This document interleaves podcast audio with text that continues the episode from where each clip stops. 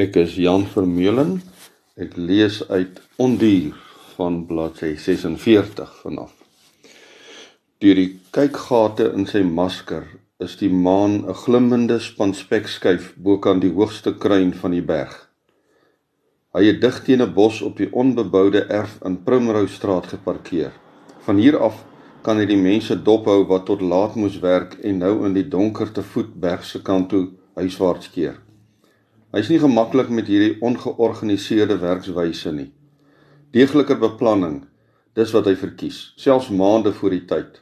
Maar 'n krisis is besig om soos die maan al hoe voller in hom te groei. Hy moet optree.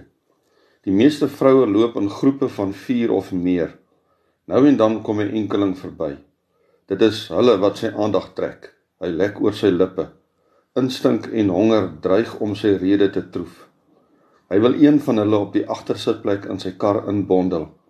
Hy wil sy skelpel diep in haar lyf laat insink, net onder haar ribbekas. Sy vingers in die warm wond inwriemel. Hy bedwing hom. Hy wag vir die uitgesoekte prooi.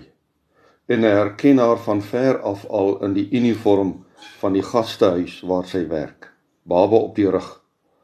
Ek erken die eensaamheid in haar skouers en die wyse waarop sy haar voete traag lig. Daar is nie 'n man wat op haar wag nie. Die man is ver op reis. Hy trommel met sy harige handskoenvingers teen die stuurwiel. Sy slof aan by sy motor verby. Hy wag tot sy 'n blok verder is voor hy baie stadig agter haar aanry sonder om die ligte aan te skakel. Op die sitplek langs hom is sy jagsak met al sy messe.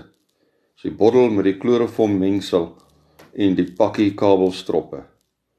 Maar sy stap nie soos gister by haar tuinhekkie in nie.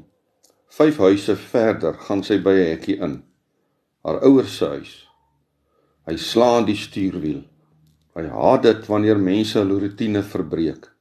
Hy haat die onverwagte. Hy ry verby. Maar hy sal terugkom.